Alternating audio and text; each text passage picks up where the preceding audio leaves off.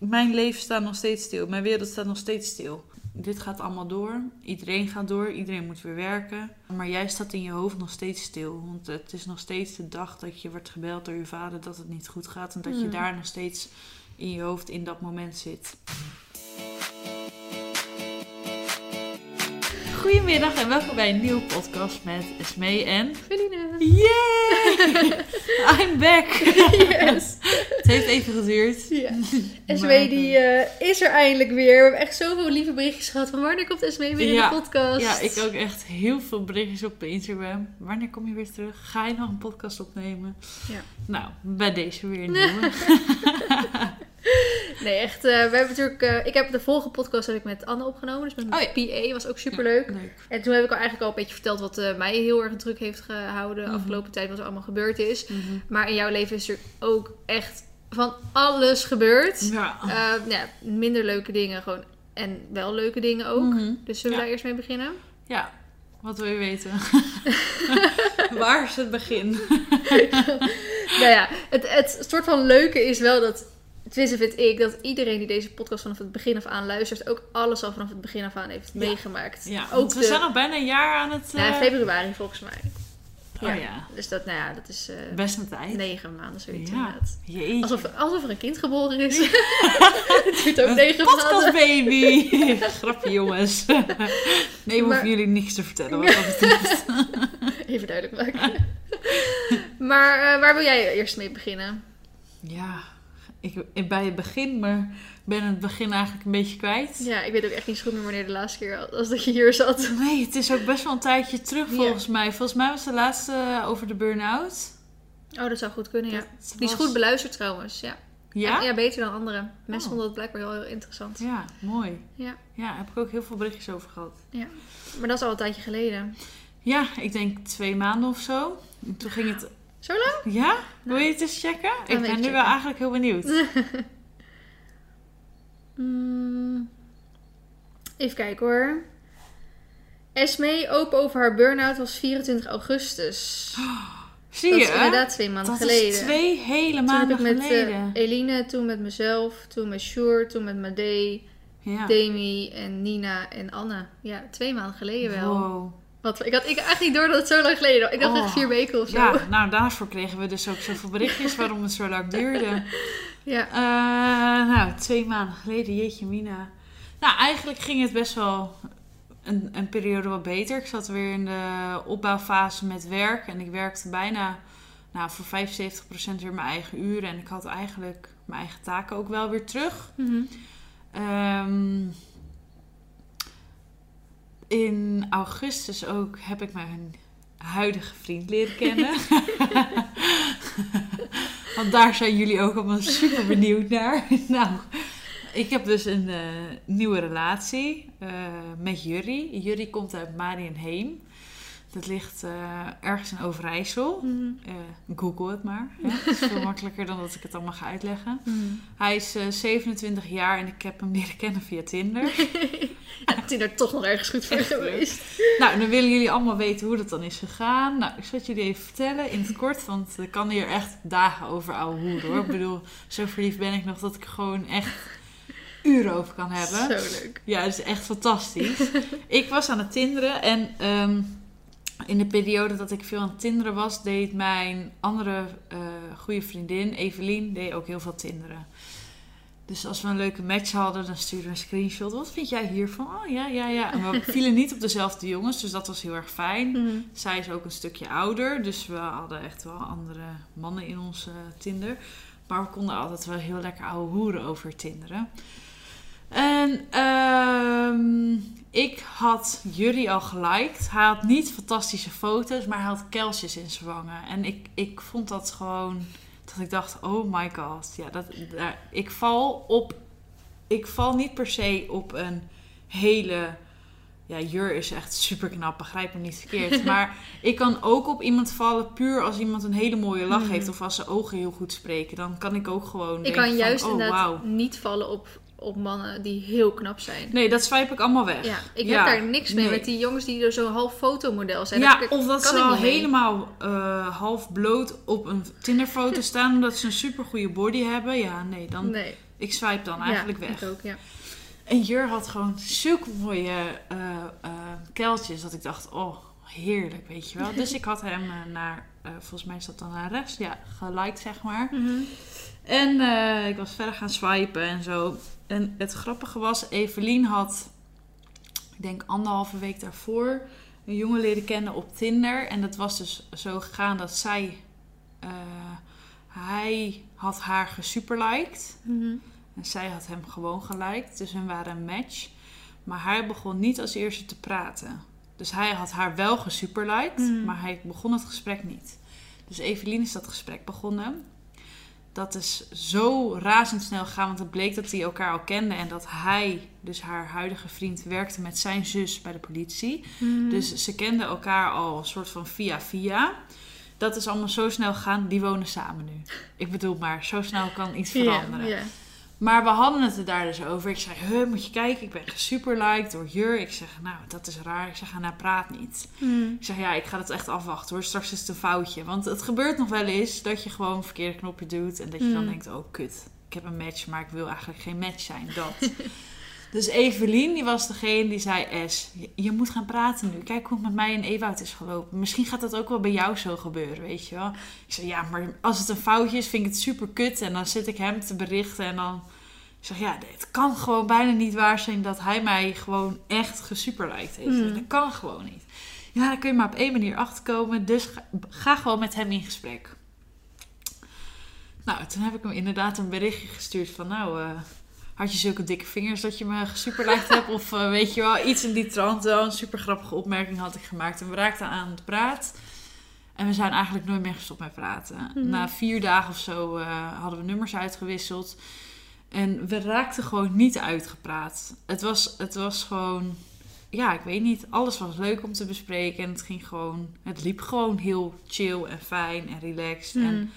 ja, het was heel erg eh, via de app superleuk.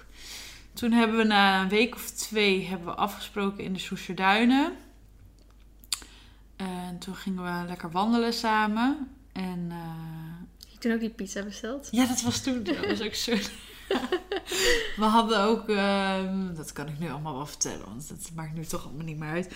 Eh, ik had natuurlijk eh, de slechtste openingszinnen aan jullie allemaal gevraagd. Dus ik had best wel wat slechte openingszinnen verzameld in de periode dat ik tinderde. En op een gegeven moment hebben wij een wedstrijdje slechtste openingszinnen hebben we gedaan. En een van die openingszinnen van mij was... eh, zullen we pizza eten, daarna neuken of hou je niet zo van pizza? dus met een grapje gingen wij eh, op de eerste date samen pizza eten. Super romantisch in de Soesterduinen met een Domino's pizza naast elkaar. Zaten we lekker te genieten van de zonsondergang. Zo overigens niks meteen qua seks gebeurd hoor, begrijp me niet verkeerd. Maar we hebben daar wel heel veel lol over gehad. Vanwege dus ook de pizza. En ehm, door, door wat er een beetje de afgelopen periode gebeurd is qua andere dates die ik heb gehad, was ik wel wat onzeker geworden. Dus ik wilde het wel een beetje aftasten voordat ik heel erg enthousiast zou zijn. Mhm. Ik vond hem namelijk wel. Ik, toen ik hem zag, dacht ik echt: holy shit, wat ben jij knap. Echt, what the fuck gewoon. Veel beter als op de foto's. Echt bizar gewoon. dat ik dacht: nou, hoe dan? Maar dat maakte me ook des te onzeker. Want ik ben eigenlijk 9 van de 10 keer wel zoals de foto's. En ik dacht van, oh kut, straks vindt hij me dan misschien juist niet leuk genoeg of wat dan ook. Dus met die eh, eerste date was wel super gezellig. Maar waar ik wel meteen achter kwam, is dat hij een hele eigen uitgesproken mening had. En ehm, ehm, daar moest ik aan wennen misschien. Ik denk dat dat het goede woord is. Dat ik daaraan moest wennen. Dat ik dacht van, oeh, ik vind dat wel heel sexy. Dat iemand zo'n mening heeft. Zo Mhm. van, zo wil ik het en zo gaat het gebeuren. Maar ik dacht ook, ja, straks heb ik daar niks over in te brengen. Dus het maakte me ook een beetje onzeker. Plus dat hij dus zo intens knap was dat ik dacht, hoe kan dit? Weet je wel? Ja, ja. Dus na de date ben ik s'avonds naar huis of eh, naar stal gereden. Want ik moest eventjes mijn hoofd, eh, nou ja, even verzetten en op Mm. andere dingen. Dus toen ben ik naar stal gereden. En toen appte hij op een gegeven moment, potverdorie, ik sta nog in de file ook. Terwijl hij ochtends om vier uur zijn bed uit moest om te werken. Dus ik voelde me ontzettend schuldig dat ik eigenlijk niet zijn kant was opgegaan. En hij dus op de terugweg in de file stond. Toen zei, hij, nou, toen zei ik, nou, als je gezelschap wil, gezelschap hebben, eh facetime me dan even. Want dan kunnen we gewoon een beetje video bellen. Nou, En zo van het een kwam het ander. Dus hup, meteen op de, op de FaceTime hebben we ook nog echt eh, drie kwartier eh, zitten ouwe hoeren met elkaar. En toen dacht ik, oké, dan denk ik altijd maar, nou ja, als jij het niet gezellig genoeg Mhm. vond, dan had je dat ook niet gedaan, weet je wel. Nee. Dus dat gaf me weer een beetje wat meer vertrouwen. En omdat we dus een uur en een kwartier uit elkaar wonen, eh, was het afspreken was de eerste periode wel lastig. Want je wilde eigenlijk, eh, als je elkaar aan het, eh, Leren kennen. aan het kennen bent, wil je niet meteen je ouders of iets erbij hebben.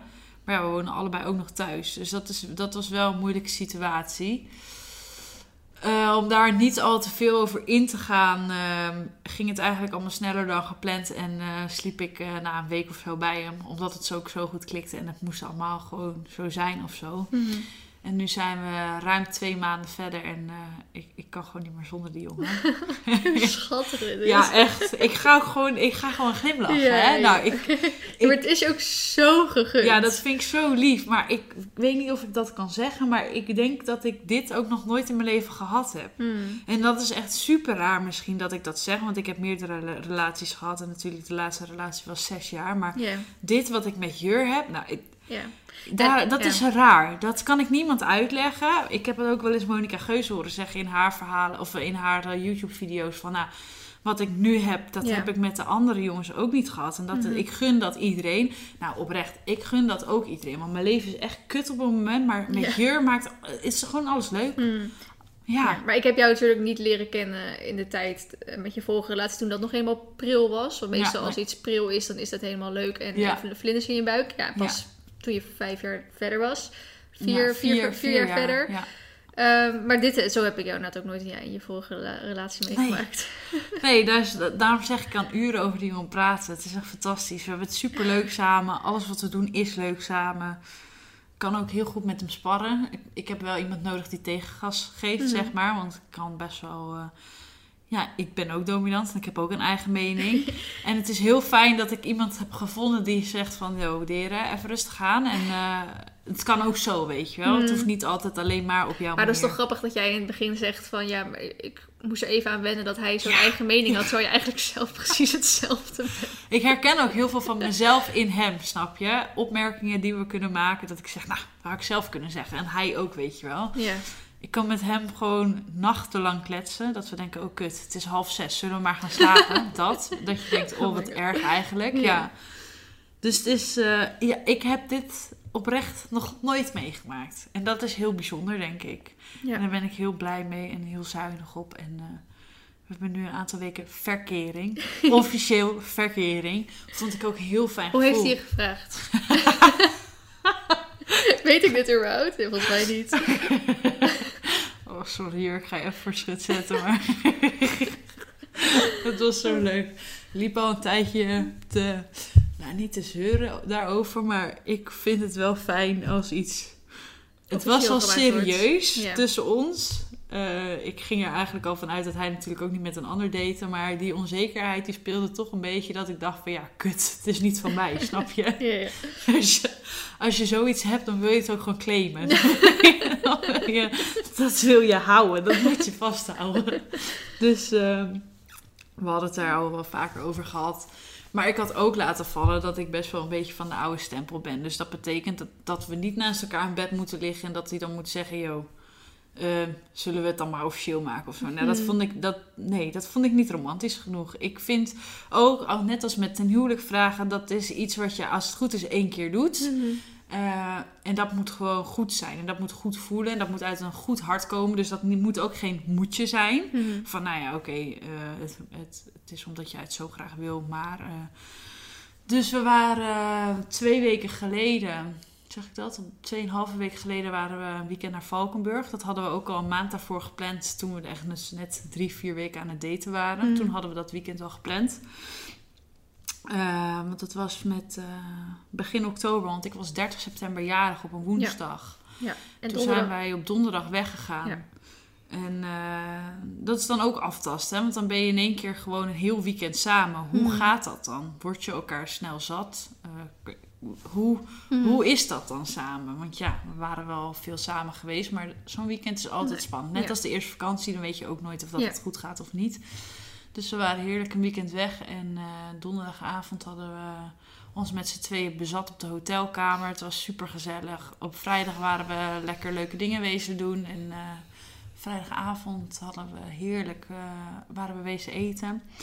En toen ging ik, eh, was, stond ik in de, in de badkamer om het bad aan te zetten. Want we hadden Mhm. daar een bad. En sinds ik thuis woon heb ik geen bad meer. Ik ben echt zo gehecht aan Mhm. een bad. Dus als de mogelijkheid er is, ga ik altijd in bad. Dus ik had het bad aangezet. Toen kwam die in de, in de badkamer staan. Echt, oh, ik zie... Als ik het zo over heb, ik zie dat ook zo weer voor me. Hè? Dat is zo grappig. Toen kwam hij bij mij in de badkamer staan. Toen pakte hij mijn hand en toen ging hij op zijn knieën zitten. en toen zei hij... Schat, hij is ook een beetje boers. Hij heeft ook zo'n accent. Dus hij zei zo... Schat, zullen het beestje dan maar gewoon een naam geven? En ik moest zo hard lachen. Hij is gewoon niet zo romantisch als, als, als je zou willen of als in de films, weet je.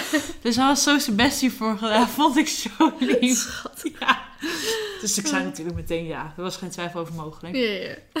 En toen, Ik denk gelijk, oh, die gaat gelijk op zijn toen, knieën. toen moest ik Zo lachen, weet je wel. En toen zei ik ook zo, dan kan ik even iedereen lekker spammen dat, dat je gewoon van mij bent. En dat, oh, dat vond ik zo heerlijk. Net als de eerste Instagram foto. Dat je dan denkt, Mm. zo kijk, Dit heb dat ik, eh, hoort bij ja. mij. Dat weet je wel. Ja, daar ga ik echt goed op. Dat vind ik heerlijk.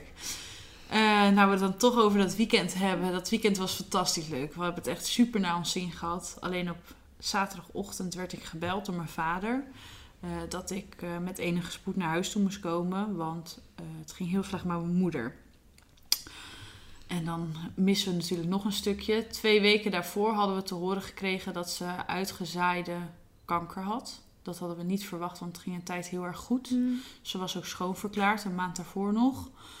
Ehm, er waren scans gedaan, die waren allemaal goed en schoon. Dus we hadden goede hoop dat ze het nieuwe jaar wel zou ha- halen. En dat het eigenlijk allemaal wel eh, Los zou lopen. ja, los zou lopen. Dat zeg je goed.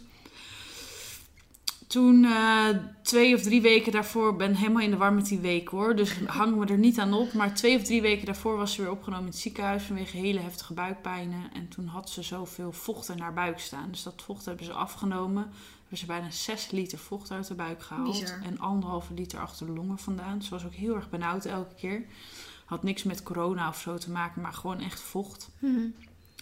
En toen zijn ze gaan uitzoeken waar dat vocht dan vandaan kwam. En toen bleek dus dat ze uitgezaaide kanker had in het buikvlies. En de dokter zei meteen van, dit is een soort kanker. Ja, we zouden een, dat was ook nog zoiets, we zouden een evaluatiegesprek hebben over hoe de week was verlopen toen ze in het ziekenhuis lag. Mhm. Toen kregen we dus tussen neus en lippen het nieuws te horen dat die kanker was uitgezaaid.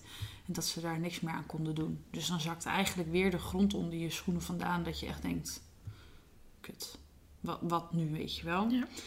Prognose wilde mijn moeder graag weten. Ehm, hoe lang heb ik? Heb ik maanden, weken, jaren? Je hoopt eigenlijk natuurlijk nog Mhm. jaren. Ehm, bij sommige uitzaaiingen kan dat ook. Sommige mensen kunnen jaren doorleven. Het ligt er ook aan wat, eh, wat de mogelijkheden zijn voor de behandeling. Maar de dokter die zei van ik wil dat je dit eerst laat bezinken. En dan hebben we volgende week of die week erop een nieuw gesprek. En dan kunnen we het daar nog eens even rustig over hebben. Nou, dan ga je natuurlijk al kut weg. Zij moet blijven liggen in het ziekenhuis en jij zit, gaat weer terug naar huis. Mhm. Toen ben ik ook Oh, door. ze moest ook echt weer blijven. Ze moest nog blijven. Ja, Ja, ja. ze wilde direct mee naar huis, maar dat kon gewoon niet. Ze was nog te zwak en ze moest de medicatie nog krijgen. En Mhm. uiteindelijk is het twee of drie dagen later mocht ze dan wel mee naar huis. Mhm. Want dan wil je ook gewoon natuurlijk thuis zijn met je gezin. Ja. En drie of vier dagen later, dus een week later na dat eerste nieuws, had zij een gesprek met de arts. En toen hebben ze te horen gebracht dat, eh, dat ze het nieuwe jaar niet meer ging halen. Dat was het nieuws wat we toen kregen. Hmm. En toen zei mijn moeder van, nou als het dus in zo'n snel tempo gaat, heb je enig idee hoe lang dan? En daar kon hij geen antwoord over geven, maar hij zei wel, die, eh, dat vocht wat jij hebt opgebouwd, dat is, dat is een teken van hoe snel de ziekte eh, zich eh, voortplant, om maar zo te zeggen. Mhm. Dus nu had jij binnen een week had je zeg maar 6 liter vocht in je buik staan. Dat hebben we allemaal weggenomen. Maar als dat vocht nu binnen twee, drie weken weer terugkomt, dan weet je dat het in een snel tempo gaat. Mhm. Toen mama het ziekenhuis uitkwam, toen kon ze al niet meer lopen en wandelen. En dat ging allemaal niet meer. Dus we hadden een bed geregeld voor thuis. Maar we hadden eigenlijk wel een soort van goede hoop dat we nog eh, Een paar Ja. weken hadden. een paar weken, misschien twee maanden of zo, Mhm. nog eh, samen hadden. Op eh, woensdag is hij toen uit het ziekenhuis gekomen. En op donderdag hebben we de begrafenisondernemer laten komen. Want mijn moeder was heel erg... die wilde de, ja, eigenlijk de regisseur van ja, zichzelf zijn. Ja, die wilde alles zelf geregeld hebben. Dus dat betekent dat ze op woensdag zelf al de begrafenisondernemer had gebeld van... joh, luister, dit is het nieuws wat ik heb gekregen. Het kan nog weken duren, maar ik wil het nu vast op papier hebben staan. Mhm. Dus dat soort dingen zijn wij eigenlijk direct dat zij uit het ziekenhuis kwam. Dat was ook nog eh, in, ehm, in mijn vakantie, zijn we dat dus allemaal gaan regelen. En ehm, we hadden nog veel meer op de planning staan. Ik wilde nog van die eh, handen Oh ja. laten maken. Ja, die ik wilde, eh, ja, handen. ja, ik wilde nog een fotoshoot. Ik had nog een eh, liedje te goed bij Stef Klaasens. Die is, Oh ja. die, eh, ik, ik weet niet, ik heb hem niet meer gesproken. Maar dat zou die komen voordragen bij ons. Maar dat soort dingen waren er natuurlijk allemaal niet meer van gekomen. En op donderdag was dus die begrafenisondernemer geweest. En op zaterdag zou ik mijn verjaardag vieren. En toen zei ik, ja luister jongens, ik ga dat afzeggen. Want ik heb geen zin om gezellig te moeten doen hier met familie. En straks krijg je nog corona, weet je wel, overheen. Dan zijn we daar weer verder van huis. En toen zei mijn moeder eigenlijk van, ja, dat ga je echt niet doen. Is het laatste feestje wat ik eventueel kan meemaken.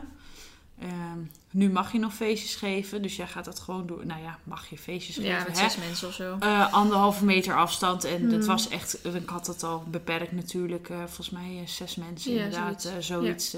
Echt klein. Mhm. Ehm, en En in shifts, smiddags een paar. in shifts, dan, ja, ja. ja, Dus ze zegt dat ga je gewoon door laten gaan. En die corona, ja, zegt ja. Ja, daar houden we rekening mee. Maar we gaan het niet afzeggen. Dat ga je Hmm. gewoon niet doen. Dus omdat mama het eigenlijk zo graag wilde, heb ik zaterdag die verjaardag door laten gaan. Hebben we het super gezellig gehad. Ontzettend een leuke middag en ook Ja. avond met eh, iedereen gehad. Jij had toen die Polaroid camera mee. Dus dat is ook de laatste goede foto die gemaakt is. Mhm. En toen was ik dus 's woensdag zelf officieel jarig. Mhm. Op donderdag ben ik weggegaan met eh, Jur. En op zaterdag ben ik gebeld dat, ze, dat het heel niet goed ging. Toen ben ik naar huis toe gereden met Jur. En toen kwam ik thuis en we hadden s'avonds eh bij hem afgesproken met familie te eten. Mhm. Dus ik zei tegen Jur, nou ik kijk de situatie even thuis aan. Als het een beetje oké is, dan ga ik gewoon met jou mee. En als het niet oké is, dan blijf ik hier. Want ik had eigenlijk nog een soort van idee dat het misschien wel weer los zou lopen. Mhm. Misschien ook een beetje kop in het zand steken hoor. Want je wil het eigenlijk niet horen natuurlijk. En vooral niet op zo'n tempo. Maar toen kwam ik zaterdagmiddag thuis aan. Toen dacht ik echt, what the fuck gewoon. Ik herkende mijn moeder niet meer. Ze lag in bed. Ze kon amper praten. Ze kon niet meer eten. Ze kon niet meer drinken. Het was gewoon, eh, ja, bah. Wordt er Bizar helemaal weer, ja, wordt er helemaal weer naar van als ik Mhm. daar moet denken. En ehm,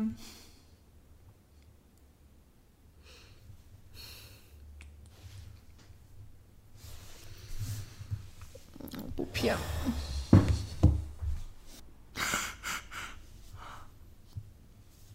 wat vreselijk zeg. Is het ook? Ik heb nog steeds het besef niet dat ze er gewoon niet meer is. Nee. Ik wil er gewoon nog zo graag terug even hier hebben. En nog even bellen met haar. Maar is niet erg, hoort erbij. Ja, Het gaat ook nog wel een week, een maand duren. ik denk het ook. Ik zou zo graag willen dat ik me beter zou voelen.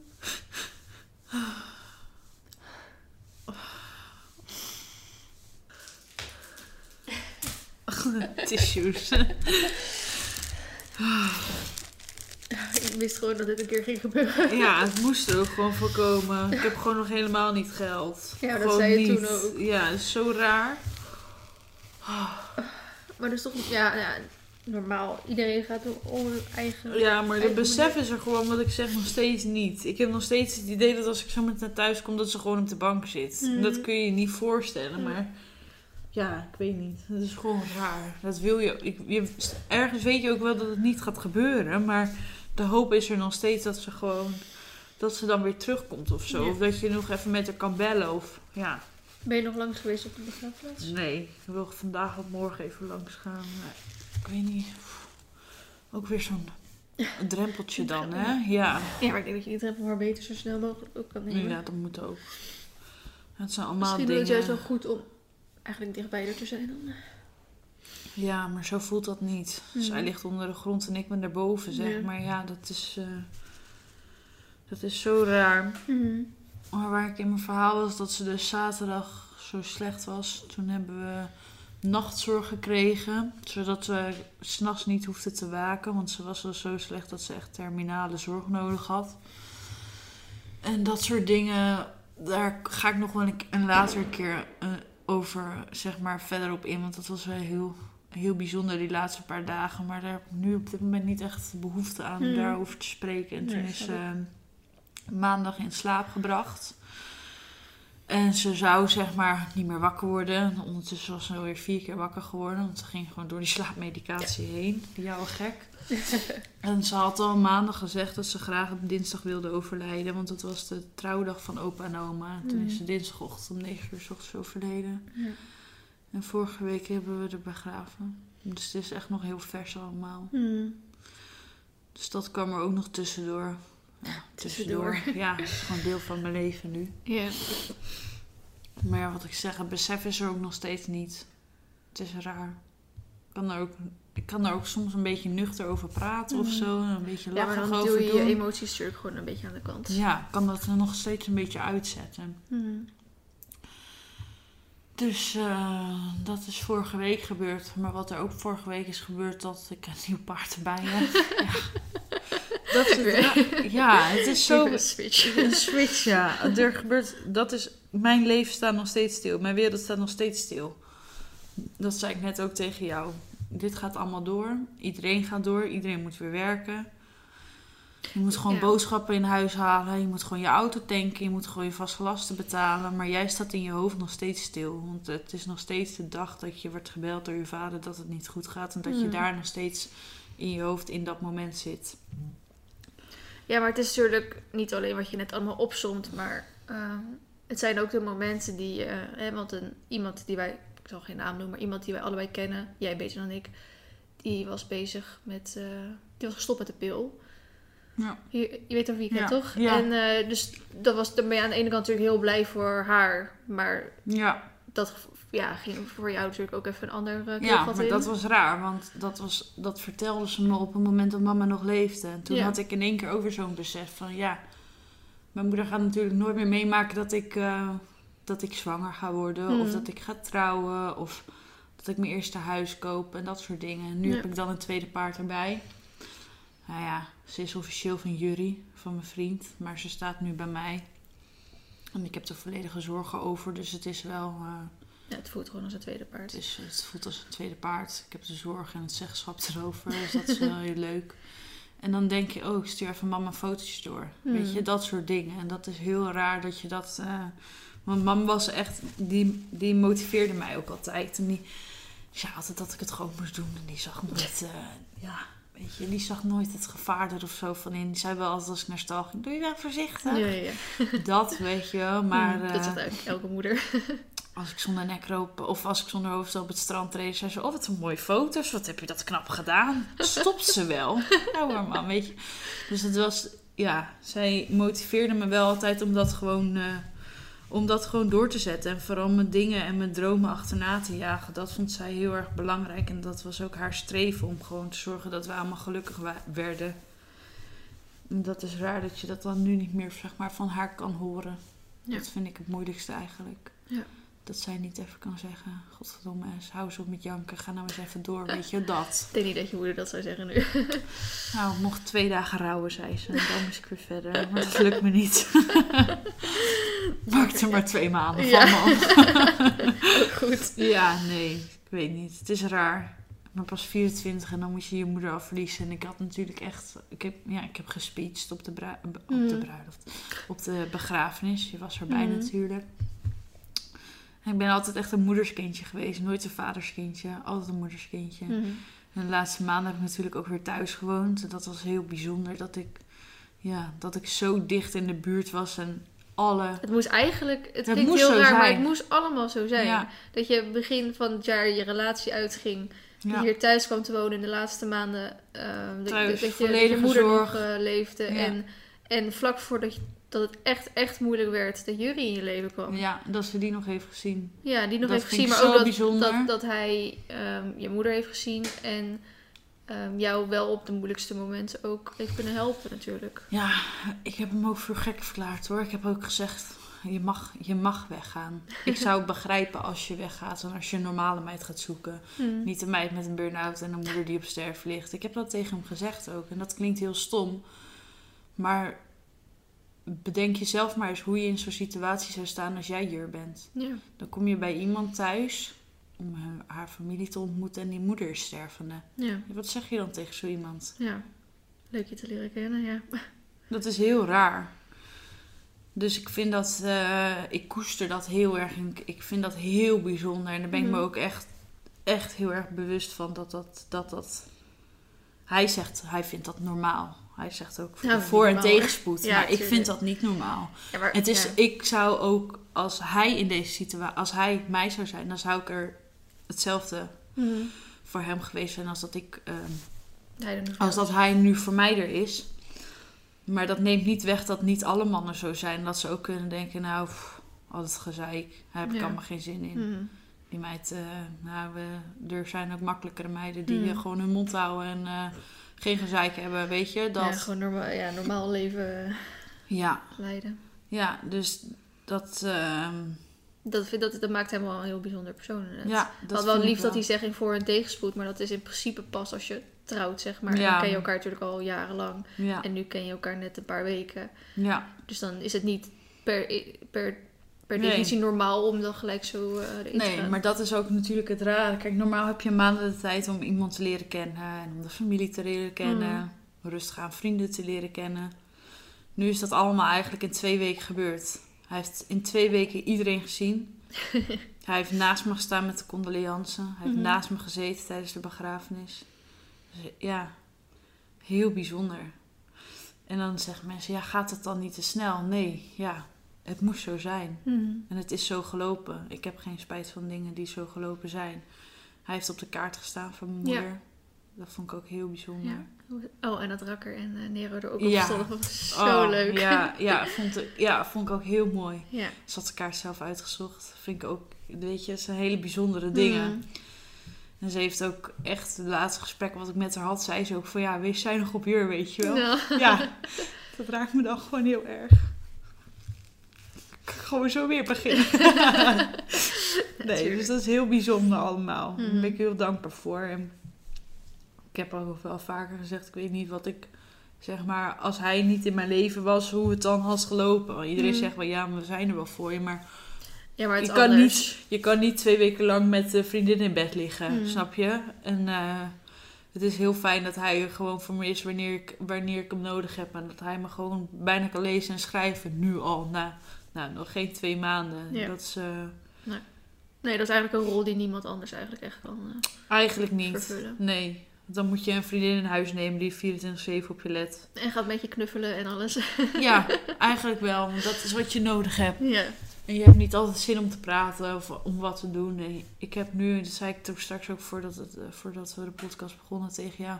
Ik heb gewoon nergens zin in. Ik heb geen zin om mensen te zien. Ik heb geen zin om gezellig te doen. Als ik op stal ben, doe ik mijn paarden. Heb ik nog net niet mijn oordopjes in, zodat niemand tegen me praat. Omdat ik Mhm. er gewoon geen zin in heb. Mhm.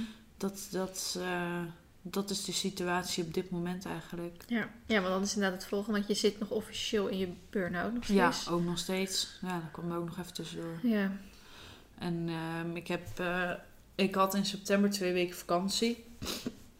Nou ja, in die twee weken was dus in die laatste week dat mama zo eh, Achteruit ging. achteruit ging. Dus toen heb ik ook meteen werk gebeld van jongens, ik zou komen werken, maar ik zie dat niet zitten. En vorige week heb ik weer met mijn baas gebeld.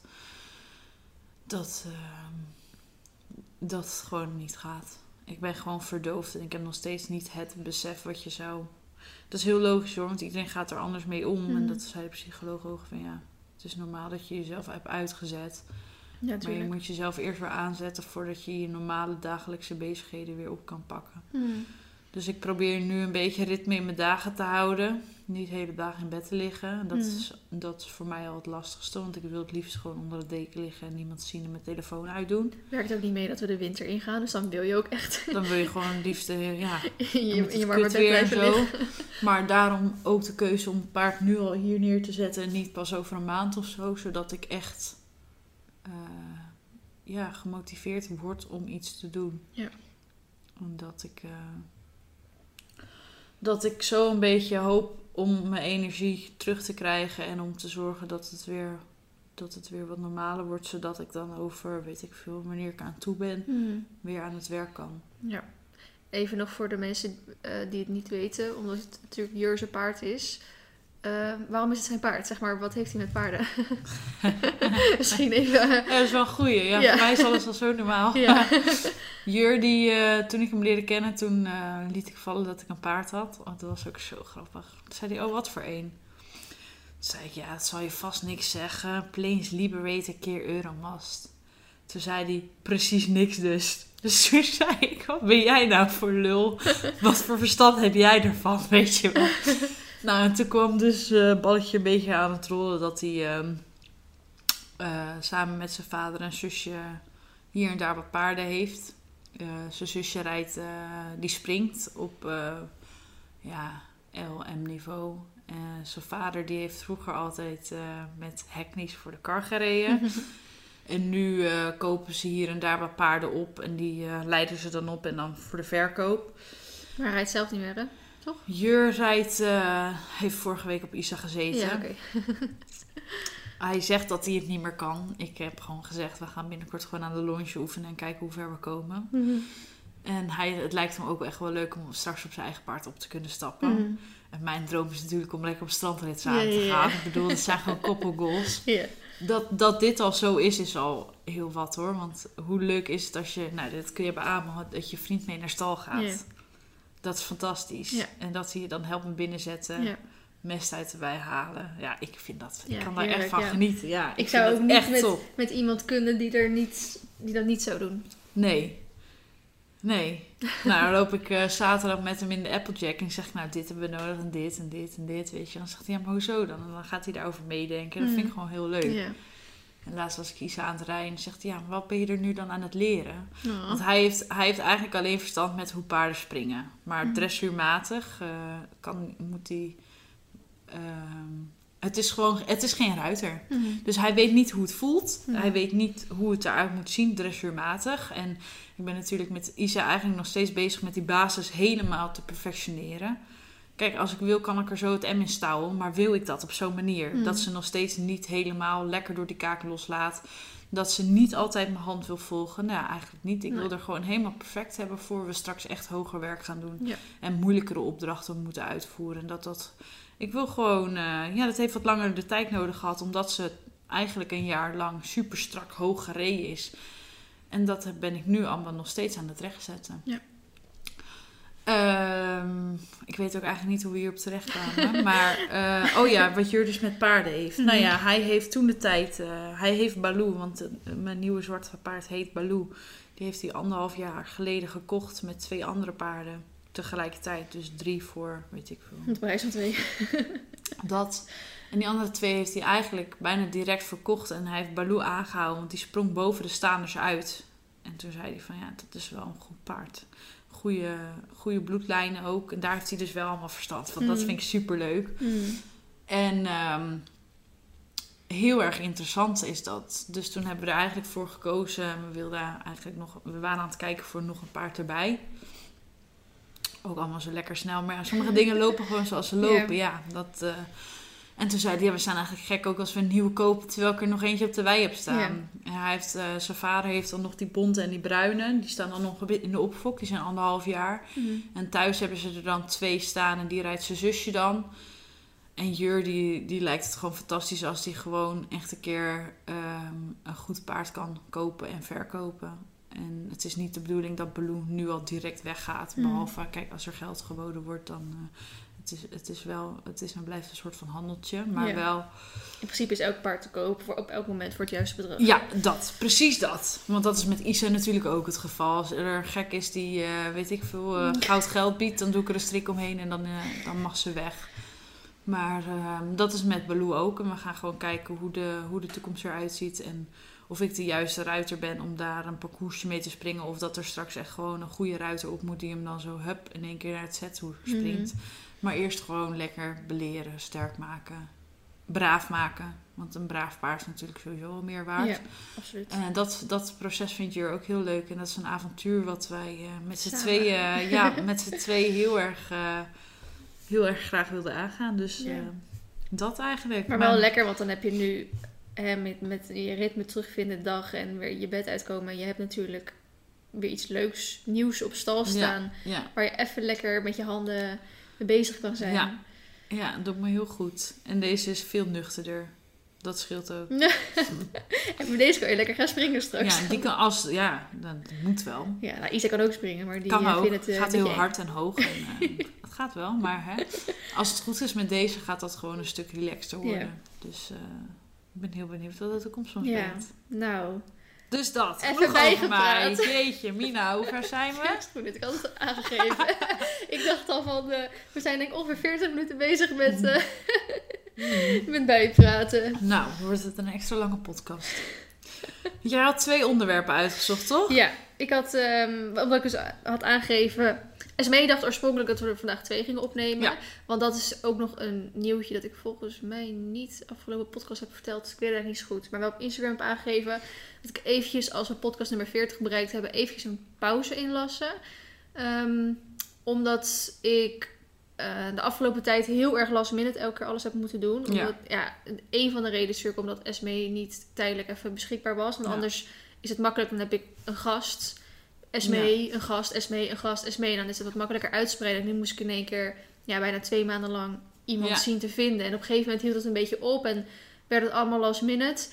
En ehm, daardoor is toen ook één, eh, is vorige week dus niemand eh, gekomen. Ja, en daarna kwam eh, Anne dan weer. En dan moet ik voor nummer, dan ben jij nummer 38. Dan moet voor nummer 39 nog even iemand vinden. En dan voor nummer 40, de laatste, Ja. Doen we dan Esmee Doen we- even als een afsluiter. Woehoe. Maar Esmee dacht dus dat we vandaag alle twee gingen opnemen. Maar ik dacht, ja, we zijn nu al 40 minuten bezig om bij te praten. Ik vind het dan zonde als we de laatste podcast gelijk met, met vragen beginnen. Weet je wel, ik vind het leuk om Ja, elke keer even eerst bij te even, praten. Ja, Dus dan praten we over twee weken weer gewoon even bij. ja Hoe de afgelopen tijd was. En dan gaan we dan de afsluitende podcast nemen. Eh, ik durf niet te zeggen hoe lang het gaat duren ehm, voordat we gewoon weer terug zijn. Het kan misschien maar een maand zijn, maar het kan misschien ook drie maanden zijn. Want we willen gewoon eventjes een buffertje maken. Ja. Dat, even, dat, dat het niet meer zo is van... Oké, volgende week moet er één online komen. En je, het is al donderdag en je denkt... Oh shit, ik heb nog maar drie dagen de tijd om iemand te vinden. Mhm. Eh, dat we even een beetje een buffertje kunnen maken. Dat het wat makkelijker uploaden is. Eh, dat we ook even de kwaliteit wat naar boven kunnen doen. Als in dat je misschien een soort van rubrieken hebt die wel weer wat vaker terugkomen. Eh, het liefste vinden we ook iets van een sponsor eraan vast. Omdat de podcast superleuk is om op te nemen. Ja, het kost wel Ehm, heel veel tijd. Het kost heel veel tijd. Nu heb ik Anne al ehm, het, het bewerken en het inplannen en zo laten doen. Maar ja, ik betaal Anne ook. Ja, Dus dan kan ze geen andere dingen doen. Dus het zou leuk zijn als we een sponsor daaraan vast kunnen, kunnen doen. Zodat het ook nog wat oplevert. Buiten dat het alleen heel leuk is om te doen. Maar op een gegeven moment, als het dan even te druk wordt, dan moet je toch ja, Keuzes, maken. En dan is het toch eh, een voor de hand liggende keuze om iets wat veel tijd kost, maar niks oplevert. Eventjes eh, te pauzeren. Want ik wil er zeker niet mee stoppen. Want ik Nee. vind het zeker gewoon echt te leuk. En ook de reacties zijn te leuk om ermee door te blijven gaan. Eh, dus mochten jullie nog ideeën hebben, ehm, als we straks sterker terugkomen, dan mogen jullie dat natuurlijk altijd eventjes eh, laten weten wat je graag terug zou willen zien. Ehm, en ik weet niet, al niet zo goed wanneer dat er precies is en of dat misschien ook in een soort van seizoenen gaat. Of je er bijvoorbeeld eh tien doet en dat je dan misschien weer even een maand vrij en dan weer tien doet en dan weer, of dat het gewoon hup, Ja. gelijk weer knallen en gewoon forever door blijven gaan. Dan moeten we even allemaal nog kijken. Ehm, maar eh, ja, het was gewoon weer leuk dat Esmee er weer in ieder geval weer was. Iedereen weer lekker bijgepraat is. Ging alle kanten op. Eh, het is, eh, hoe voelt het om het weer even zo ehm, Ja, raar. van je af te praten? Ja, raar. Echt raar. Ik heb nog niet zoveel gepraat eigenlijk. Hmm. Dus dit was wel de eerste keer dat dat weer allemaal een beetje extra terugkwam of zo. Ja. En dan ook het besef dat misschien wel een paar duizend mensen dit weer gaan luisteren. En dat ze dan allemaal in één keer op de hoogte zijn. Wat natuurlijk Ja. eigenlijk heel fijn is, want dan hoef je niet elke keer je verhaal te Hmm. doen. Je Ja. kan gewoon doorverwijzen naar de podcast. Ik kreeg op een gegeven moment ook eh, berichtjes van eh, wanneer komt Esmee weer. Toen zei ik ja, ja de, het gaat niet zo goed met de moeder. Of Nee. eh, die is net overleden. Ja, dat wisten ze natuurlijk allemaal nog niet. Nee. En dan Nee. krijg je natuurlijk wel gewoon gelijk van... Oh jeetje, jij begrijpt Ja. helemaal. En Ja. alle tijd, bla bla. Ja. ja, ik heb echt heel veel berichtjes gehad. Ja, bizar. Echt. Ik, ik wist niet dat er zoveel mensen... ja, Ja, maar het is ook niet even niks wat er gebeurd is. Dus, nee, het is heel veel. Ja. het is wel veel. Dus- maar het is heel lief dat mensen daar de tijd voor nemen om jou dan een berichtje te Ja. sturen. Ja. Dat vind ik vooral heel bijzonder, zeg Ja. maar. Dus Nou, dank jullie wel daarvoor. Oké, top. Nou, dan willen we graag nog even twee eh, mailtjes beantwoorden. Ja. We hebben dat eigenlijk natuurlijk ook al heel lang niet gedaan. Dus de mailtjes zijn ook eh, oprecht al van een eh, tijdje geleden. Sorry Ehm, jongens. Maar we wilden toch wel eventjes eh, deze twee graag beantwoorden. Om toch nog even ook onze, onze vaste rubriek door te blijven zetten. Dat we advies geven wat er een beetje bij ingeslopen is de afgelopen tijd. Nou, hoi Vlien en Smee. Allereerst heerlijk om altijd naar jullie podcast te luisteren. Dankjewel daarvoor. Ik heb een struggle om maar zo te zeggen. Best wel een gekke vind ik zelf. Sinds een aantal weken ben ik superleuk aan het praten met een jongen. Echt lekker ouwe hoeren via WhatsApp, eerst via Badoo. Gewoon leuk en ongedwongen. Hij is knap, grappig en een beetje boers. Daar houd ik van. Ik ben namelijk een paardenmeid. Zelf zeven paarden en 32 uur werk ernaast. Hoe dan? Nu wordt het tijd om te gaan daten. Doodeng. Weinig ervaring mee. Überhaupt een echte relatie heb ik nooit gehad. Maar plots ben ik behoorlijk onzeker. Ik vind hem te knap voor mij. Ik ben geen meisje-meisje type. Draag geen make-up bijvoorbeeld. Nooit echt zo onzeker over geweest als nu. Ik ben bang dat ik een tegenvaller word voor hem. Ja, onzeker dus. Ergens ben ik benieuwd of ik beter uit de verf kom met make-up op. Ongetwijfeld wel. Ik vind namelijk mijn wallen onder mijn ogen best storend en ik wil namelijk een goede eerste indruk maken. Maar de andere kant, ik ben nooit, echt nooit zo geweest. Dus waarom nu ineens wel? Wat raden jullie aan voor een eerste date? Naturel en gaan zoals ik altijd ga, of toch meer mijn best gaan doen? Liever anoniem blijven. En ze had dus ook twee foto's toegevoegd die ze ook op de datingsapp eh, heeft gebruikt. Ziet, je ziet dus niet echt een gezichtsuitdrukking.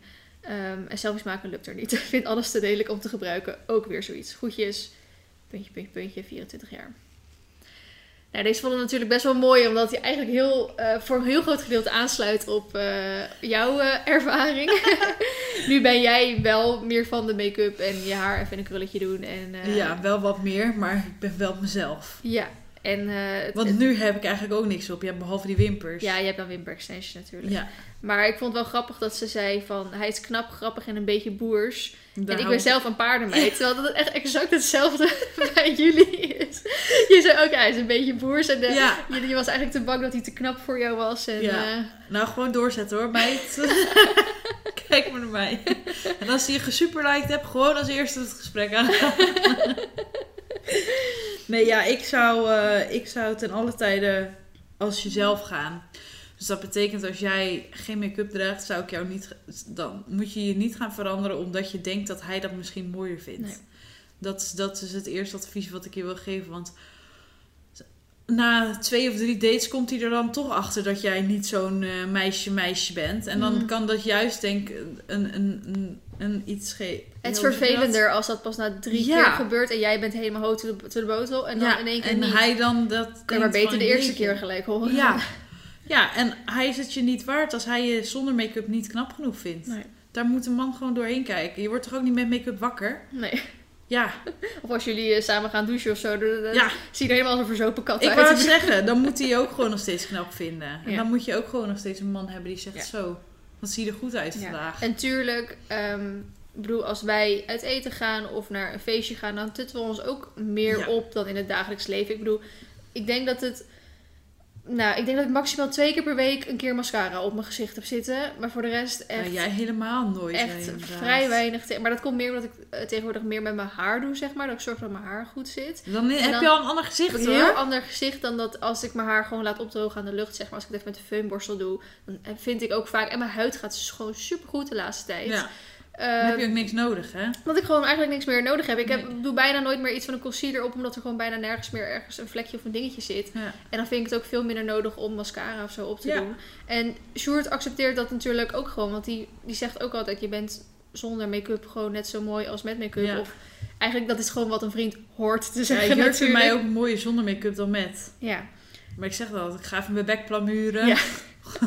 nou, dat is niet nodig, zeg Ja. je dan. Nou, Ja, maar het is natuurlijk wel... ehm, maar dat helemaal... Als, als zij dat natuurlijk gewoon nooit doet... dan moet je dat gewoon lekker nog steeds nooit doen. nee, Want moet als je jij ook daar- zeker niet voor veranderen. Nee, voor precies. niemand niet. Maar ehm, voor wat, ja, goed, al- als ik een eerste date zou hebben, zou ik misschien wel wat meer moeite doen. Maar dat is gewoon echt puur aan jezelf. Als jij dat, je daar niet prettig bij voelt en dat zo niet bent, Je moet je moet niet in één keer een. Barbiepop worden. Nee, precies. Want zo ben je dan niet. Nee, Kijk, als jij er blij van wordt om een beetje je wallen weg te werken, ja. dan moet je dat zeker doen. Maar het moet niet zo zijn omdat je denkt dat je hem gaat pleasen Nee. met een bak make-up. Je moet het echt doen voor jezelf. Dus Ja. als je zelf denkt, nou, ik voel me er prettig bij om dit te gaan doen. Ja. En ik vind mezelf er eventueel net iets mooier uitzien. Dat, doe je het echt voor jezelf, hè. Maar je moet niet ehm, het voor een ander gaan doen. Nee. Niet van, oh, ik ga er, nu zo bij lopen omdat hij me dan maar knapper vindt. Ja, nee, zo werkt dat echt niet. kiezen. Nee. En ook niet al- alle mannen houden van make-up, hè?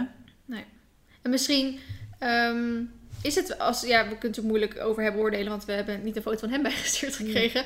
Ehm, maar het kan natuurlijk best zijn als hij super knap en alles is, dat hij juist. Een kut karakter heeft. Nou, dat kan ook nog. Dat kan. Maar het hoeft niet te betekenen dat hij dan ook een topmodel als vriendin bijvoorbeeld wil. Nee. Want Je valt op het innerlijk. precies. En Innerlijk waarschijnlijk is is veel die op, op jouw innerlijk gevallen. En ehm, natuurlijk Ja. ook op je uiterlijk. Want meestal is dat... Daarom Ja, swipe je iemand. Badoe omdat je en niet- eh, Tinder en eh, wat heb je allemaal nog meer? Dat allemaal is van uiterlijk. is gewoon keuringsdienst. Ja, ja, het slaat helemaal nergens op. Nee, precies. Dus hij eh, moet je om een reden gelijk te hebben. En dat vindt waarschijnlijk omdat je, omdat je er leuk uitziet. Ja. En dan blijf je praten om, omdat je innerlijk leuk is. Ja. En dan ga je kijken hoe het in het echt is. En dan klikt het. En of dan zeker niet jezelf aanpassen eraan. Nee. Want misschien is het zelfs juist als je je gaat aanpassen dat hij in één keer denkt... hé, hey, eh, hier heb ik niet voor geswiped. Ja, dat kan ook. Ja, dan werkt het averechts. Ja, precies. Oké. Oh, we vraag. ons dan Oh. ook even weten hoe je date eventueel was. Ja. Als je al geweest bent. Ja, Of... eh, waarschijnlijk komt dit advies echt een maand te laat. Maar ja, helaas. Sorry. Sorry. Sorry daarvoor. Er kwamen even wat andere dingen tussen. Hoi Vlien en Nesmee. Ten eerste wil ik graag beginnen met het zeggen dat ik het altijd met heel erg veel plezier naar de podcast luister en erg veel van opsteek. Maar ik heb een vraag slash probleem. Ik ben altijd erg vrolijk en zie het liefste altijd het positieve van dingen in. Maar ongeveer anderhalf jaar geleden, ik was toen 11, ben nu 13, is mijn moeder overleden aan borstkanker. Sindsdien heb ik ongeveer één keer per week een dag dat het gewoon niet mee zit. Maar ik heb het gevoel alsof ik nog steeds die altijd vrolijke, positieve meid moet zijn, terwijl ik dat op het moment dus niet ben. Hebben jullie tips, groetjes voor mij? Ik wil graag anoniem leven, leeftijd nog wel vermeld worden. Ik vind het ten eerste gewoon heel knap dat je dit als 13-jarige kan insturen. Ja, ze zijn weer zo volwassen, onze volgertjes. Ja, nou, ik heb ook wel eens eh, mailtjes binnen, binnengekregen dat ik echt denk van, nou, eerst even grammaticaal eh, correct typen alsjeblieft. dit is niet te lezen. Maar ehm, ook echt wel weer, dit is wel weer gewoon een heel volwassen berichtje. Ja, ja klopt. Dus dat eh compliment alvast daarvoor. En deze hebben we natuurlijk ook eventjes uitgekozen, omdat hij wel redelijk bij het onderwerp van vandaag Bij mij aansluit. Ja. Ja, je moet gewoon scheid hebben aan andere mensen. ja, dat is het gewoon. Als jij je niet fijn voelt, dan hoef jij niet vrolijk en gezellig en alles te doen. Nee. Dat doe ik ook niet. Als ik daar geen zin in heb, dan doe ik het lekker niet. Nee. En misschien is het wel omdat je 13 bent handig of verstandig om een keer met iemand te gaan praten Hmm. erover. Want sommige dingen kun je niet alleen oplossen. Daar ben ik ook achter.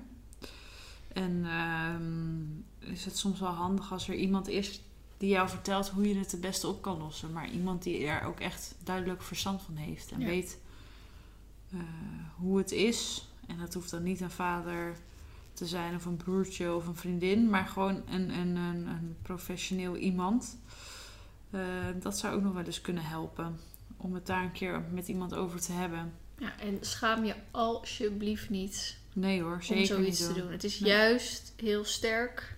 Ja, het Om is beter om dat te doen dan alles op te kloppen en dan... eh, en dan Ja, maar dan kan je ook leren misschien om te gaan met, met, je, met je gevoelens en je Ja. emoties. En weten waar ze vandaan komen. En, en sowieso met wat je op jouw leeftijd hebt meegemaakt, eh, vind ik sowieso dat iedereen om je heen, misschien zullen dat sommige mensen het ook niet weten, daar gewoon begrip voor moeten hebben. Ja, Dat eh, gewoon hoe jij eh, je voelt, moet je gewoon lekker doen. En je moet je niet Ja. maar altijd maar vrolijk opstellen of wat dan ook. Want wat je hebt meegemaakt is niet zomaar iets. Nee. Ehm, dus als jij, en je hoeft, sowieso al had je het niet meegemaakt wat je hebt meegemaakt, hoef je niet altijd vrolijk te zijn. Nee. Ik ben ook niet altijd vrolijk. nee, het hoeft niet altijd... eh, je hoeft niet altijd andere mensen te pleasen. Nee, Zeker niet. nee. Dus dat is eigenlijk het En wat wel, wat ik jammer vind, is dat mensen wel inderdaad verwachten vaak dat je altijd. ehm, Nou ja, Ja. aan de ene kant niet. Want ik zou, ik zou dat niet van iemand anders verwachten dat hij altijd vrolijk is. Maar je hebt natuurlijk wel. ehm, als ik bijvoorbeeld een keer mijn dag niet heb en ik kom iemand tegen en die denkt: Oh jeetje, wat is die eigenlijk zagrijnig of arrogant of wat dan ook in het echt. Dat ik denk: Ja, ik heb net dit en dit meegemaakt. eh, Ja. Laat me even, weet je wel. Ja. Dus aan de ene kant, als we gewoon met z'n allen eventjes eh, niet mensen judgen als ze een keer een mindere dag hebben. Want je weet nooit wat er thuis Ja. of op werk of eh, privé aan de hand is. Ja. Ehm, Dat, zou zoveel, dat zou de wereld zoveel mooier maken. Ja, dat je je ook gewoon een keer kut mag voelen en dat iedereen het gewoon lekker eh, Accepteert. maatschappelijk accepteert. Ja, dat zou belangrijk zijn. Ja, Maar helaas zijn we nog niet zo ver. nee. Maar goed, Dat blijkt maar weer. ja. Ik eh, denk dat dat hem was. Ik denk het ook. Het was een lange zit volgens mij. Ja, veel best mee, 55 minuten. Oh, nou, dat is wel lekker lang dan, hè? Ja. En dan zorgen we gewoon dat we de volgende, de laatste, dus het oproepje bij De deze. Stuur nog even voor nu, voor de laatste keer, de, de onderwerpen in waar je graag wil dat wij over praten. Ja. Vragen die je voor ons hebt, advies wat je van ons wil. Ja, Stuur die nog even naar podcasthinneke.hotmail.com. hinniken. Nog steeds na 40 afleveringen. at hotmail.com Podcast hinniken at hotmail.com Zo. Stuur daar nog even naartoe en dan zorgen we dat de laatste aflevering ehm, een goede wordt. Ja. En ehm, wees niet getreurd, we, we, will back. Ja. we will be back. Sooner than you think. En ehm Esme, natuurlijk bedankt dat je hier eh, wilde zijn en je verhaal wilde doen. Ook al werd het een beetje emotioneel op een gegeven moment. Ja, het hoort erbij. Ja. Iedereen gaat weer meehuilen, denk ik. Ben benieuwd. Dat denk ik ook wel. Ik, ik ging ook alweer mee janken. Ach ja. Kan, ik kan toch gewoon helemaal niet. Ik heb ook tijdens de begrafenis zoveel zitten janken. ja, ik niet. Echt. Raar, hè? Ook toen, toen niet. Ik heb alleen één keer met condoleance. Ja, daar was je niet bij. Je, je was niet... eh, We stonden bij het voor het podium stonden wij voor, de conde, voor het condoleren. Mhm. En er waren, was een rij. En voordat je binnenkwam werd je gecontroleerd eh, voor coronaklachten. Werd je telefoonnummer gecontroleerd. Maar mocht je een hand en een kus geven of niet? Nee, nee. Het was gewoon anderhalve, anderhalve meter. meter. Jo, Ja, dat. Zo, Ja. onpersoonlijk. ja, heel... Maar er was bijna 150 man op de condoleance. Hoe groot was de kans dan geweest dat wij nu corona hadden gehad? Ja, als wij ons niet aan die maatregelen hadden gehouden. dat dat kan gewoon niet. Nee. Dat kun je... Nee, dat is, dat is niet... eh, Nee. Het was al heel wat dat er gecondoleerd mocht worden. Want volgens mij zijn er nu de regels weer dat je maar max 30 mag. Ja. Hè? Dus ga maar na. We hebben ook weer precies geluk gehad. Ja. Maar er was dus een rij. En die rij, eh, het is dus anderhalve meter eh, zeg maar tot de volgende. Zo, hoe lang is die rij geweest? Die was heel, het stond echt tot buiten zeg Alsof maar. je een soort in een, twee uur lang in de rij moet staan voor Ja, een attractie. nou, het liep wel op zich wel oké door hoor. Want het was een doorlopende condoleance. Dus ze mochten ook niet te lang bij ons blijven ah, staan. ja.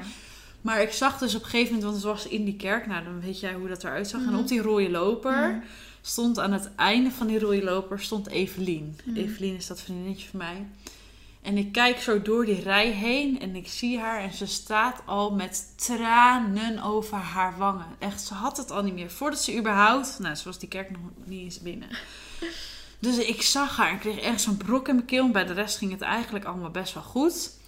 En op een gegeven moment zie ik eh, drie of vier stellen daarachter, zie ik mijn twee bazen staan. En daar was ze op Mhm. een gegeven moment bij aangesloten. Dus toen duurde het weer wat langer voor ze er was. Maar dichterbij dat ze kwam, bleef, ze bleef huilen. Ze kon niet meer. Daar is ook die foto van gemaakt die je misschien wel hebt gezien. Oh, dus ze ja. kwam op een gegeven moment met mijn twee bazen. Die hadden een heel mooi bloemstuk meegenomen. Echt fantastisch lief. Echt. Ik heb ook echt de beste baas die je maar kan bedenken. En Eveline huilen, huilen. Nou, ze had het niet meer. Ja, toen ging ik ook. Toen was ik stuk. Dat was eigenlijk het enige moment dat ik, eh, dat ik die avond stuk was. En met de begrafenis had ik het toen ik, eh, toen ik mijn speech moest doen. Toen ik daar boven op dat podium, want het was dus op een podiumpje stond je. En ik had mijn speech al helemaal geschreven. En eh, ik had aan mama gevraagd eh, tijdens eh, een, een kwartier voordat ze zeg maar de slaapmedicatie kreeg van mam, wat wil je? Wil je dat we eigenlijk spreken of wil je dat niet? Ze zei ja, natuurlijk moet je spreken. Of vond je me zo'n kutwijf dat je me het niet waard vond? Dus toen dacht ik, ja, nu moet ik echt spreken. Ik kan, Mhm. ik kan nu niet. Hmm. Ze weet dat ik het kan, dus ik moest me daar echt overheen zetten. Dus ik heb die speech ook binnen vijf minuten had ik het op papier. Want in één keer had ik gewoon zo'n boem, zo'n ingeving om dat helemaal zo uit te schrijven. Mhm. En ik begon mijn speech met eh, lieve mama, kom maar lieve allemaal. En ik, ik wil lieve mama. eh, ik begon te janken, jongen. Ik dacht, nou, dit, ik red dit niet, dacht ik. Mhm. En Jill, mijn beste vriendin die al tien jaar bij ons over de vloer komt, die Mm. stond naast me. Want ik durfde ook niet, ik durfde niet alleen. Ik dacht, ja, kut, sorry.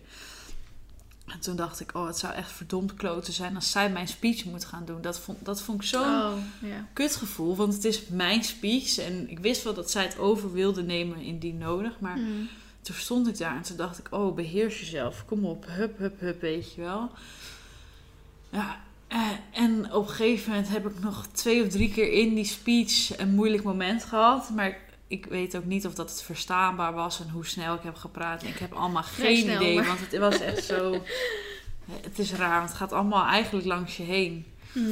En toen ging ik weer zitten en toen had ik het alleen nog een keer moeilijk toen mijn broertje ging praten. Ja. Toen, dat vond ik heel moeilijk, want die Ik vond het wel heel knap dat hij vond het zo knap. Want hij is niet, ook niet echt een, een...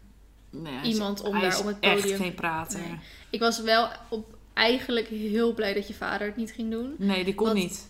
Die ging stuk. Ja, nee, maar daar- daarom was ik eigenlijk Ja. heel blij dat hij het niet ging doen. Want ik dacht van, hoe gaat die man dat ooit doen? Ja. En ik, Nee, nee, dat was echt een no-go. Hij Nee. zei het ook meteen, ga ik niet doen. nee, Ik doe het niet, zei hij. nee. Dat was me ook beter ook. En Jacques, eh, die als laatste sprak, die, Ja. die had natuurlijk een speech van eh, nou, Ja. vier, vier A4'tjes, Ja. zeg maar. Heerlijk, echt fantastisch. Die, die deed echt zo letterlijk een boekwerk open. Want ze zei, nou, we doen even een boekje over. Ja, ja. over- oh over- heerlijk. Ja. Nee, daar heb ik ook heel hard om gelachen, maar ook heel veel om geld, omdat ik heel veel herkende van Mhm. wat ze allemaal vertelde. En ik had zelf de PowerPoint in elkaar gezet, zelf de muziek uitgezocht. Dus dat waren wel wel, eh, als ik die foto's dan zag, dacht ik, oh ja. Ja. Ja, dat, is, dat emotioneert wel, zeg maar. En ik heb ook expres niet de zaal ingekeken. Ik heb Mhm. volgens mij gezien dat jij links, achter, links ja, ik zat. en Evelien inderdaad. En verder, ik heb geen idee. Ik weet niet eens wie er geweest zijn. Ik, ik, ik heb gewoon geen idee. Het is Hmm. gewoon één grote waas. Ik krijg binnenkort de foto's terug, dus dan zal ik het wel Ja. zien. Heel ben stom, heel maar ik ben... foto's, eh, ja. ja, ik heb wel al wat terug. Mhm. En eh, het is natuurlijk, dat is ook zo'n, eigenlijk een taboe. Een afscheidsfotograaf. Hmm. Maar mama was heel erg van de foto's. Mhm. Ik ook. Mhm. Mijn mama was fotograaf als hobby, eh, deze dat. Dus, eh, en ze had hem ook zelf gevraagd om de foto's te maken. En ik vind het heel... De foto's die ik tot nog toe al terug heb, vind ik heel mooi en heel sprekend. En Mhm. dat zijn ook zeker foto's die ik eventueel op mijn social media ga delen als ik daaraan toe ben. Mhm. Maar dat kan voor een ander ook een soort van schrik zijn. Dat je denkt, nou, dat doe je toch niet? Op een Mhm. begrafenis foto's laten maken. Maar foto's, dat, dat is het tastbaarste wat je nu nog hebt, hè? Want zo'n dag is aan je voorbij gevlogen. Ja. Ik heb geen idee wat er gebeurd is en wat er gezegd is. Ja. Dus dan kan ik straks mooi die foto's terugkijken. Ja. Ja, nee, ik vind dat dat echt wel... eh, dat, dat is inderdaad heel persoonlijk, maar ik eh, snap echt wel dat je, dat, eh, dat je Ja. die keuze hebben gemaakt. Ja, heel blij om ook. Tot nog toe met de foto's ook al. Ja. Dus, Ja, maar ik, heb, ik, had echt, ik was heel blij dat Sjoerd uh, meegenomen, want ik heb bijna alleen maar aan één stuk door. Echt? Ja, echt. Waar begon het mee dan? Ja, als je die foto's voorbij ziet komen Ja. en, ehm, en iedereen eh, praten daarover en zo, Ja. dan... eh, en dan ging het weer. En dan zei En- weer iemand, en dan moest ik gewoon er weer aan denken. En dan, oh, dan ging ik weer. En dan, oh, Stom, zo hè? bleef het maar gaan. Ja, En Hanne op een gegeven moment ook maar op anderhalve meter zo even de vingertoppen op mijn schouder gelegd. ja, nee, ik heb het allemaal, ik heb het allemaal niet doorgehad. Ja. Ik Maar ik heb ben ook wel een huilenbalk op dat gebied hoor. Nou, ik normaal ook. Maar dat komt gewoon niet. Het lukt niet. Het lukt nog niet. Mm. Dat komt vanzelf, denk ik. Op Ja, het ja. moment dat ik het waarschijnlijk niet verwacht. Hmm. Maar het is nog niet... Ja, nu eventjes dan. Maar niet... Ik heb nog niet, eh, ben nog niet helemaal losgegaan. Er zit nog heel veel verdriet in wat er Ja. eerst uit moet voordat het... eh, Ik heb het toen met, uh, met toen die podcast begon. Zij heeft anderhalf jaar het verstopt. En toen Ja. kwam het eruit. En toen eh, is het ook heel slecht met haar gegaan natuurlijk. En ehm, wat zij dus op een gegeven moment deed, is gewoon even tien minuutjes per dag even aan haar denken. Ja, Dus dat zou misschien natuurlijk iets kunnen zijn. ja nou, even- nu denk je nog de hele dag eraan. Ja, nee, dat is juist Nog waar. te vroeg. Ja, ja. Maar inderdaad, dat soort, eh, ja. dat soort dingen komen vanzelf. Yes, nou. Afsluiten. Ja. Doe jij hem, de afsluiter? Bedankt voor het luisteren, jongens. En eh, ik moet nog even kijken wie er volgende week komt. En dan zien jullie daarna, of horen jullie daarna weer gewoon weer. Voor de laatste podcast voor even een tijdje. Dankjewel. Doei.